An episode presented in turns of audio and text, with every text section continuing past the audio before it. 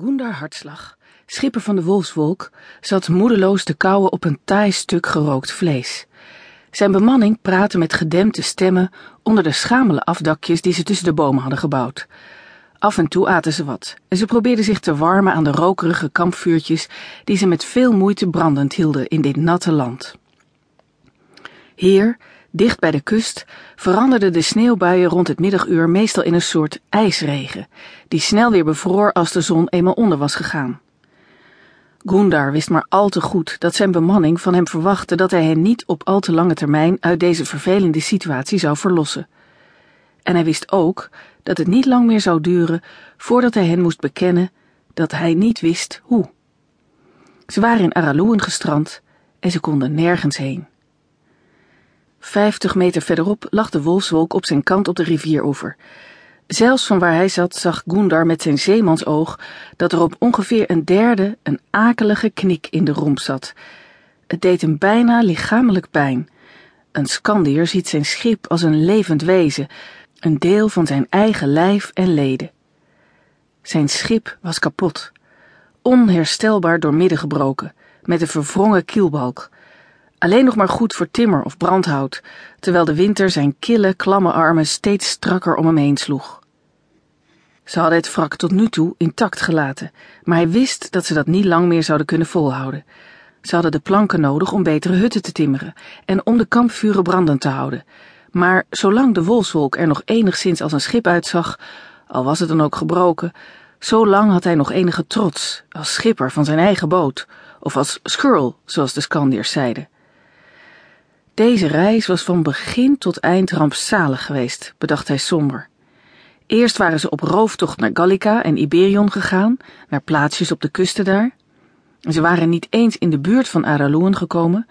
En tegenwoordig werd er weinig geplunderd in Araloen, sinds de dag dat de Oberjarl van Scandia een verdrag had getekend met de koning van dat vervloekte land. Niet dat het echt verboden was, dat nou ook weer niet, maar Oberjarl Erak was erop tegen en alleen een verdomd eigenwijze en domme Skrull zou het wagen uit te proberen hoe Erak dat zou laten merken.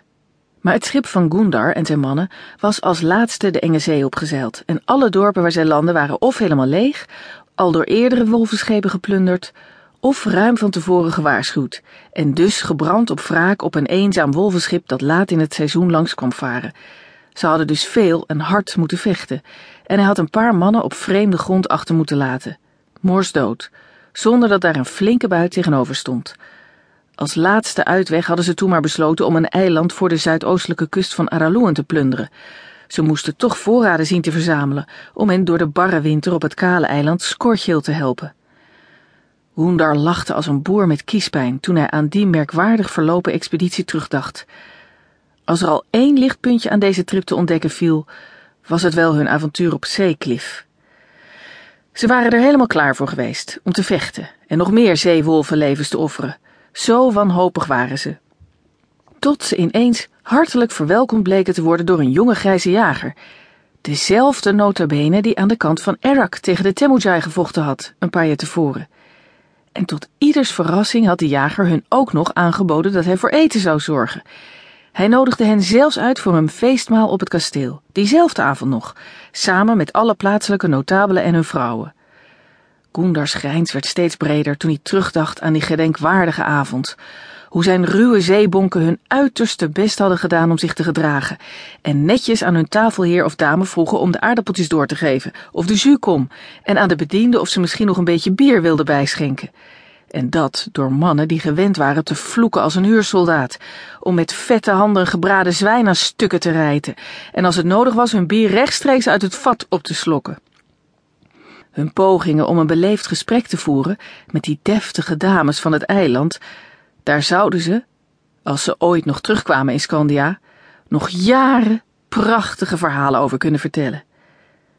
Maar zijn grijns verdween weer snel, als sneeuw in de regen.